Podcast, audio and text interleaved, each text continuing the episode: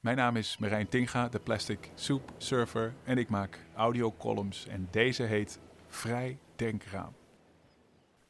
Ik zit binnen. U zit binnen.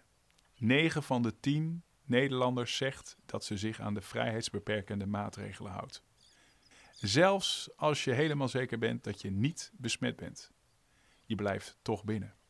Terwijl feitelijk de kans dat je besmet raakt miniem is. De Trump van een paar weken terug zou over vandaag hebben kunnen tweeten. Normaal, Dutchies. In Nederland is minder dan een promiel van de mensen besmet. Afgerond is de kans op besmetting nul. 9000 mensen dood aan de gewone griep in 2017. Kom op, hup, aan het werk.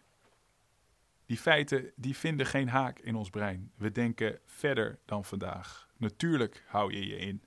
Iedereen begrijpt dat we onze individuele vrijheid moeten inperken voor een hoger doel.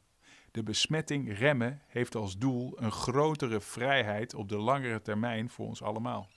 We zijn ervan doordrongen dat het omgekeerde, ieder voor zich, zal resulteren in willekeurige uitval, chaos, veel meer lijden, meer doden en meer onzekerheid.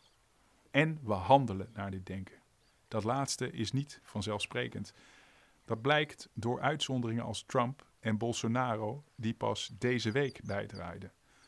Of uit de president van Turkmenistan, die ontkent dat het virus bestaat en het woord coronavirus gewoon als geheel heeft verboden.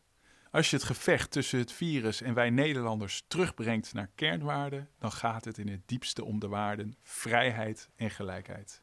We hebben de balans tussen individuele vrijheid en toekomstige vrijheid voor ons allemaal verschoven in het voordeel van het laatste.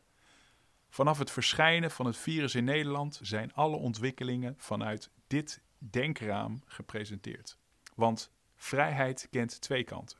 De korte termijn vrijheid, die ligt bij het individu, en de lange termijn vrijheid voor de maatschappij en de toekomstige generaties. Als iedereen tot in het maximum zijn individuele vrijheid benut, in consumptie, eigen ontwikkeling en het zoeken naar manieren om wetten of handhaving te omzeilen, gaat dat ten koste van de leefomgeving van ons allemaal. Een aftakelende leefomgeving gaat uiteraard ten koste van onze gezamenlijke vrijheid om veilig en gezond te kunnen leven. Zonder lucht- of watervervuiling, zonder kans op overstroming of droogte bijvoorbeeld. Hoe komt het nu dat we bij de aanpak van het coronavirus deze afwegingen van vrijheid in de aanpak zo vanzelfsprekend vinden? Maar als het gaat om de ophitting, uitsterving en plastificering van de aarde, we alsmaar vasthouden aan de hoogste vorm van individuele vrijheid. Hoe dat komt? Het denkraam.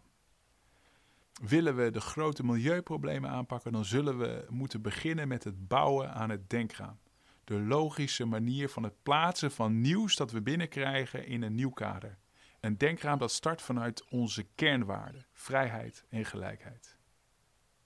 En als je nu denkt, Marijn, wat bazel je nou? Dat coronavirus is heel wat anders, dat is hier en nu. Dat toont dat er nog geen vrijheidsdenkraam voor de ophitting, afsterving en plastificering in je brein bestaat. Dat je in een Turkmeense ontkenning zit, want er zijn rapporten genoeg die de urgentie aangeven. Voldoende fenomenen in onze achtertuin die ons direct raken. Wat we echt missen zijn de haken in ons brein om het te plaatsen. Ook als je niet besmet bent, blijf je binnen en hou je anderhalve meter afstand. Ik daag jou nu uit dat te vertalen naar je volgende vliegreis, biefstuk of flesje cola voor onderweg. Dit was de Plastic Soup Surfer. Kijk ook eens op plasticsoupsurfer.org. Abonneer, reageer en like om onze missie te versterken. Ik dank je wel.